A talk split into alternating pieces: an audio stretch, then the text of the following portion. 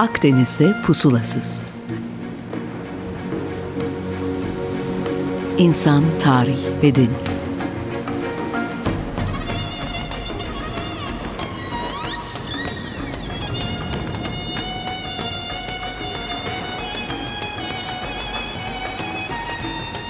Hazırlayan ve sunan Sidar Duman.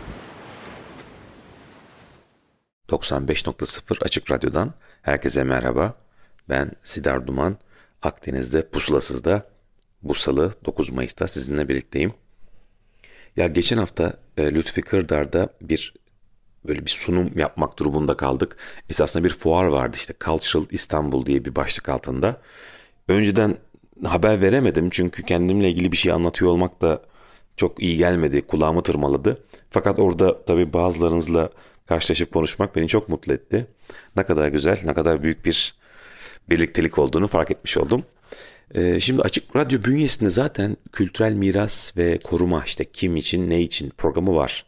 O yüzden ben bugün size biraz daha farklı bir gazoz açmayı niyetlendim. Ee, bakalım başarabilecek miyim? Daha ziyade tabii sunumda yaptığım e, o bir slaytlar, resimler de vardı için içinde ama bir özetleyip size e, en azından aynı sayfada kalmaya gayret etmek istiyorum. E, kültürel miras dediğimizde en azından benim aklıma genellikle eskiden böyle tek bir toplum, ulusal sınırlar geliyordu. Yani etkileşim de sanki bu sınırlar içinde olandı. Kültürel miras böyleydi. Ben Çekül Vakfı'nda da çok uzun süre gönüllü olarak çalıştım. Ama buydu hissiyatım. Halbuki şimdi bakıyorum kültürler bu kesin sınırlarla ayrılamıyorlar. Yani yoksa bayrak dik çit çek işte burası benim de. Kültür için bu geçerli değil ki.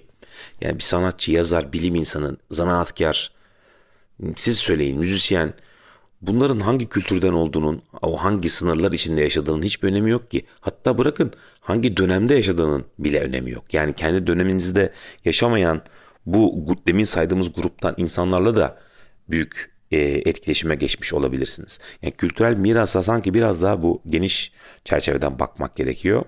Şanslı olduğumu düşünüyorum. Bu denizcilik ben de belki de bu konuda çok yardımcı oldu. E, çünkü bu işin doğası gereği yani denizde olunmanın doğası gereği e, bu köşe taşları olmayan bir sıvı ovada gezdiğinizi düşünün. Hangi sınır, hangi bayrak? Zaten tarih boyuyla bakarsanız bu ortak kültürel miras kavramına çok yatkın bu denizciler. Yani denizci aynı düğümü atar. Bugün nereye giderseniz gidin izbarçoyla teknenizi karaya bağlayacaksınız. Bunun alternatifi olamaz. Ya da işte gelişen tekne tipleri, yelken tipleri bu ortak dil hatta zaman içinde gelişmiş. E, bu işte sınırmış, ırkmış, devlet gibi soyut kavramların pek olmadığı bir mecra. Neyse lafı uzatmadan size işte yine orada anlattıklarımdan bir özet geçmek istiyorum. Çünkü bir iddia var. Yani bir iddiada bulundum. Şimdi kültürel miras koruyucusu olarak deneysel arkeoloji diye bir başlık attık. Şimdi ister istemez tabii zor bir konu. Başlık bile zor. Ama yavaş yavaş anlatabileceğimi düşünüyorum. Şimdi biz 20 sene önce bir sivil toplum örgütü kurduk. Bununla da işte 360 derece tarih araştırmaları derneği ve işte 14 tane proje yaptık. Ee, size bugün bazılarını anlatacağım çünkü oradan kültürel mirasa bağlayacağım.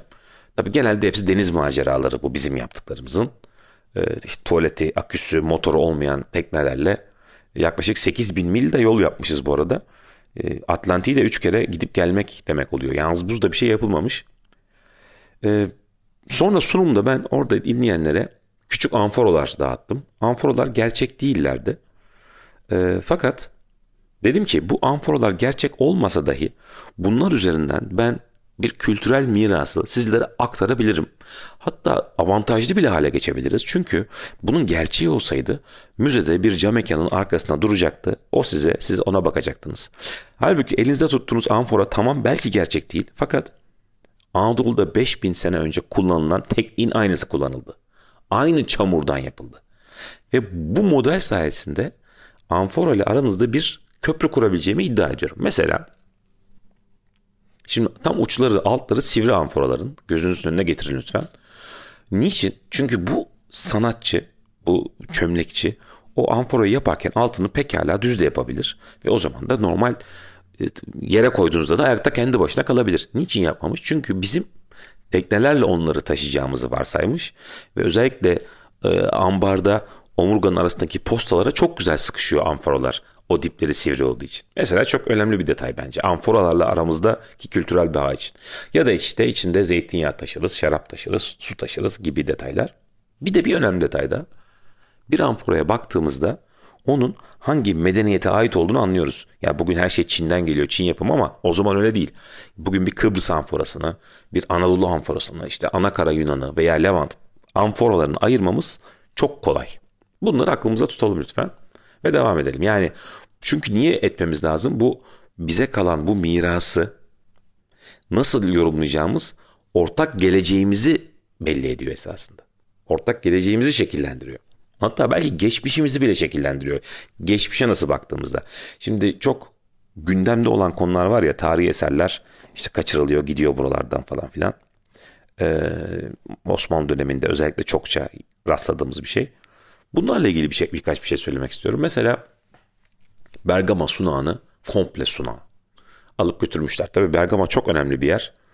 Ee, bugün kitap ya da defter gibi şeyler kullanıyorsak bunları Bergamalılara borçluyuz. Hikayesi çok uzun. Belki başka bir gün anlatırız. Ama şimdi Osmanlı 19. yüzyılda e, bu eserleri, bu ve daha binlercesini belki Avrupalılara ya vermiş ya da satmış. Şimdi onlara da kızmayı doğru bulmuyorum. Çünkü onlar bu mal, mal, malları, o tarihi eserleri diyelim, kendi mirasları olarak görmüyorlar ki. Görmediğin bir şeyi nasıl kıymet verebilirsin? Yani daha derin bir anlam yaratılmamışsan aranda o objeyle fenomen İngilizcesi ama Türkçesi fenomen deyince şarkıcılar akla geliyor. Ee, niye onu koruyacaksınız ki? Çok imkansız. Bir, bir şey hayal ettim. Mesela 2. Abdülhamit o dönemin padişahını alalım. Şayet işte onun bir yakını olsaydı. Mesela işte sizlerden ben benim gibi bir, birini tanısaydı. Güvendiği bir mihmandar diyelim ve onu Bergama'ya götürüp hasbelkader işte o Zeus sunağını anlatsaydı. Abdülhamit ona dokunsaydı ve esasında o topraklarda yaşamış olan Bergamalıların yani 2000 sene önce yaşamış olan Bergamalıların da aslında kendi ataları sayılabileceğini hissetseydi mesela acaba Almanlara e, bu sunağı verir miydi? Ne dersiniz? Böyle bir şey aklıma geldi. O yüzden diyorum ki bu hangi tabi bu arada ıı, Abdülhamid'e de suçu atmayalım ya adı geçti diye söyledik. Yani bizim ülkemizin topraklarında böyle bir arıza var. Cumhuriyet geliyor çok daha modern hani bildiğimiz detayları ıı, hızlı geçiyorum ama bu sefer de onlar Yıldız Sarayı'nda kumarhane olarak açalım diyorlar. Açıyorlar bu arada. Yani bu mirasa sahip çıkmamak hatta bir öz gömlekten konuşayım. Reddi miras. Nedense bu topraklarda çok meşhur. Şimdi hangi mahalle mensubu olursanız olun e, bu topraktaki bu kültürel ya da doğal mirasa e, bir türlü yeterince sahip çıkılmamasının sebebi ne olabilir? Ve bugün de çok farklı olduğunu düşünmüyorum. E, işte o yüzden kültürel mirasa hani daha böyle basit düşünürsek büyük babanızdan kalan köstekli bir saat ya da büyük annenizden kalan bir tarif kitabı. Bu sizin için bir şey ifade ediyorsa ediyor. Etmiyorsa bu işte hiç reddi mirasa kadar gidiyor. Ee, şimdi bizde bugün bir araştırma grubumuz var işte tarih araştırma grubu dediğimiz. Ee, bu kültürel mirasa konu olabilecek şeyleri deneyime dönüştürmeyi hedefliyoruz. İşte deneyimden kasıt e, bazı tekneler yapıyoruz. E, ve bu şekilde insanların o miraslara daha dokunabilir hale getirmek istiyoruz diye böyle küçük bir giriş yapayım. Şimdi 60 bin yıldır seyahat ediyor insanlık. Afrika'dan çıktı ve hiç durmadı. Yani tabii o zamana kadar e, niye seyahat ediyoruz konusu pek konuşulmamış olabilir ama işte iklim değişikliği, ne bileyim, kıtlıklar, açlıklar, savaşlar veya sadece ya kardeşim bu diğer tepenin arkasında ne var merakı. E, o zaman tabii nasıl gidiyorlar bu adalara madalara diye düşünüyoruz ama e, çok 20 bin sene önceye bahsederseniz su seviyesi bugünden yaklaşık 100 metre daha aşağıda. O yüzden bugün ada diye bildiğimiz çoğu yere Endonezya mesela yürüyerek geçiyorsunuz. Yani farklı bir coğrafya. Neyse dağıt, dağıtmayalım. Ee, bu insanlığın macerası, bu heyecanı tabii hiç durmuyor. Merak deyince de bronz çağı bence akla gelmesi lazım. Ee, Akdeniz'de pusulasız programına pek aşina olmayan dinleyiciler için e, tabii bronz çağı çok özel.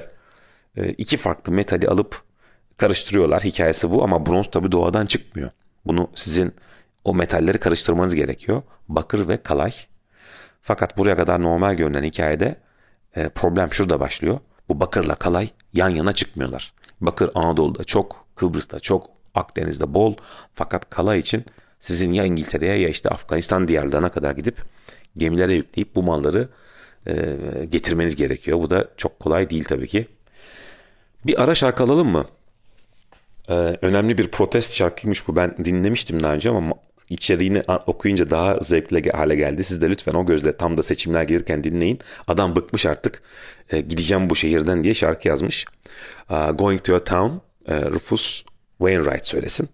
E, geçemeyeceksin şarkıyı çok güzel zaten. Hemen peşinden devam edelim. Evet 95.0 Açık Radyo'da kaldığımız yerden Akdeniz'de Pusulasız programına devam ediyoruz. Umarım şarkıyı beğendiniz bu arada. Ee, bronz çağında kaldık. Genelde olduğu gibi. Ama ben ne yapayım? Şimdi tarih orada başlamış. Ya öncesinde tarih öncesi deniyor. Bu bronz çağında çünkü yazı keşfediliyor. Sırf o mu? Modalar. Konuştuk modaları da. Tekne tipleri yani açık deniz seyri yapabilen tekneler. Ya bugün ne biliyorsak var. Neyse işte Uluburun batığı da 3300 sene önce bu Kaş'ta battığında işte bir Mehmet Mehmet abimiz sünger avcımız biliyorsunuz onu gidiyor buluyor. Dipteki bakırları görüyor. Ve müthiş kargosu saklanmış durumda olduğu için de 20. yüzyılın en önemli keşiflerinden biri sayılıyor.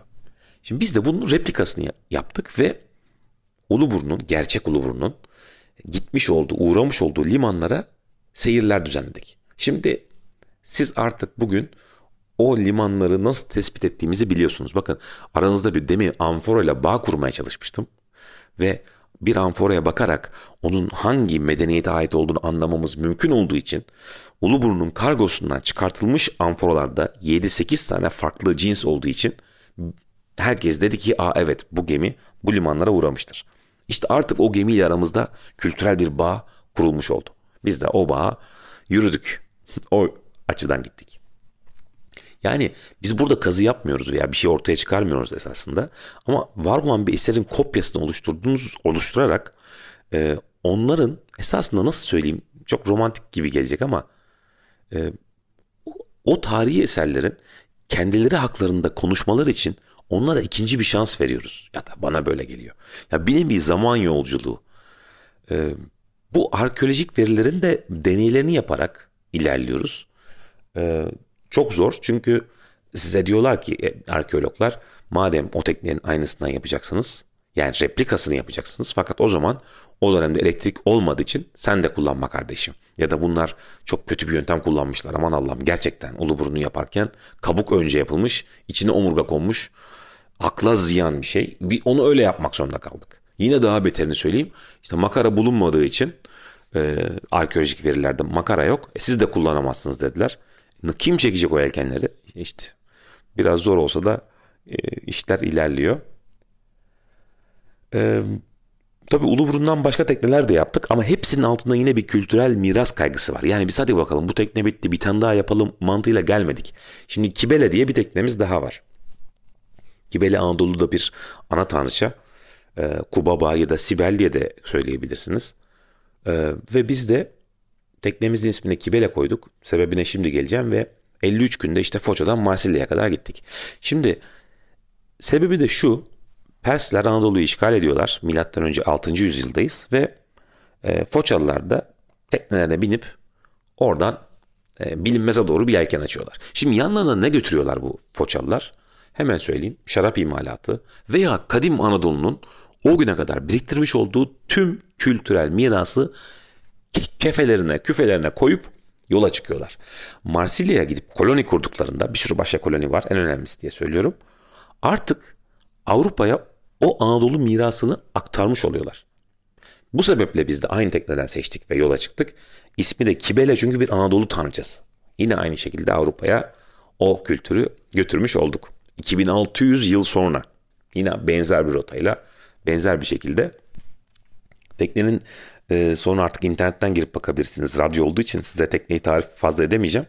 E, Kibele'nin e, çok güzel bir şekli var. Başında böyle bir mahmuzu var. Esasında meşhur bir tekne. Hiçbir batığı olmamasına rağmen e, mitolojiden çok önemli karakterler hep aynı tekneyi kullanmış. İşte Jason Argonotlarla e, arkadaşlarıyla bu tekneden yapıp e, Gürcistan'a altın post aramaya gitmiş. Ya da işte Truva Savaşı sonrası e, Odysseus yine bu tekneye binip İtaka'ya doğru yolculuğa çıkmış. Burada hemen bir dipnot kendimizi bir övelim mi grup olarak? Ee, Odysseus o büyük kahraman çok büyük denizci aynı zamanda Truva'dan İtaka'ya 10 senede gidiyor. Ya tabii ki mitolojik zorluklar var falan ama biz aynı tekneden yapıp daha uzun bir rota olan Marsilya'ya 53 günde gittik. Yani ekip çalışması olarak da takdire şayan bir durum olduğunu düşünüyorum. Ee, şimdi olguların deneyime dönüşmesi bu kültür mirasının korunmasında bence çok önemli. Ee, çünkü bu olgu yani işte o fenomeni örneğin o tekneyi deneyimleyemezseniz bunu aktaramıyorsunuz. Bunun çok ya da mümkün olduğunu düşünmüyorum. Tabii ki olur da. Bir tane daha değişik tekneden bahsedeceğim size. Bu daha sal gibi, kano gibi bir şey. Çünkü Ege'de daha yelken yokken, daha en basit tekne imalat teknikleri yok ve sargıların arası iplerle örülüyorken yine de denizcilik vardı. Bunlar Ege'nin belki bilinebilir ilk denizcileriydi. Ve Orta Ege adalarına, Kiklat adalarına hem Anakara Yunanistan'dan hem de Batı Anadolu'dan bunlar seferler yapıyorlardı. Nereden mi biliyoruz? Çünkü obsidyen topluyorlar. İşte mesela Santorin'den obsidyen Anakara Yunanistan'da çıkmış. E biri gitmiş. Çizimleri de var bu teknelerin. Biz de bunlardan yaptık. Hatta Sabancı Müzesi'nde bunun bir sergisi vardı. Ege Denizi'nin iki yakası diye. Ee, öyle bir yere konu olduk. Ama tabii bize yetmedi. Hemen yine bu deneyleyeceğiz ve kültürel mirasımız haline getireceğiz ya. Bu tekneyi bir de suya atıp deneyelim dedik. Tabii önce biraz su alıyor, ürkütüyor ama e, başardık. Bunların şu güzelliği var. Yani bu tür replikalar yapmanın mesela Uluburun, Uluburun e, sırf Uluburun değil bütün Urla'daki tersanemize tüm tekneler için inanın binlerce öğrenci geliyor ziyaret ediyor. Ve diğer müzelerde söylenenlerin aksine biz diyoruz ki onlara dokunun. Şu anda gördüğünüz bu esere dokunun. E, hiçbir şey cam mekanın arkasında değil. Bir de işte elektrikli aletler falan olmadığı için bir güvenlik problemi de yok. Ellerine zımpara alan mı istersiniz? E, bu bizim işte palangaların kullanıldığı yerlerde palangaları çalıştırmaya çalışanlar mı? Bu şekilde sürece katıldıklarını ve içselleştik, içselleştirdiklerini düşünüyorum e, miras yorumlamalarını. Ve bu yorumlamalar onları o kadar etkiliyor ki işte diğer o anda mesela başka gezmeye gelenleri ya diyorlar biz gezdirebilir miyiz? Çok iyi öğrendik. Bu tür işte heyecanlar kültürel mirasla aramızdaki e, bağlar. Şimdi bu tabii bronz çağı bitiyor ve çok garip bir şekilde bitiyor. İnşallah zamanım yeter. E, bütün bildiğimiz büyük medeniyetler işte Truva, Hititler, adalar, Girit, Kıbrıs, Doğu Akdeniz, bütün Levant hepsi yok oluyor. İşte bu deniz halkları bunları bitirmiş. Fenikeliler çok zeki. Bunlar bir şekilde dayanmışlar. Zaten büyük devletler kurmamışlar. Şehir surları yok. Tüccar kafalı bir e, yapı. İşte bu karanlık çağlardan tüm dünyanın karanlık çağı bu bronz çağının sonu yaklaşık 200 yıl Fenikeliler o at kafalı bir tekne yapıp buna binip alfabe dahil bronz çağından ödünç aldıkları tüm kültürel mirası tekrar Akdeniz'e yayıyorlar. Tohumlarını. Yani yoksa yoktuk şu anda. Ya da çok daha gerideydik belki de. Bu Fenikeliler ve özellikle o at başlı Hippoi teknesi olmasa. Biz de dedik kardeşim bir de o tekneden yapalım. Biz de binip gezelim.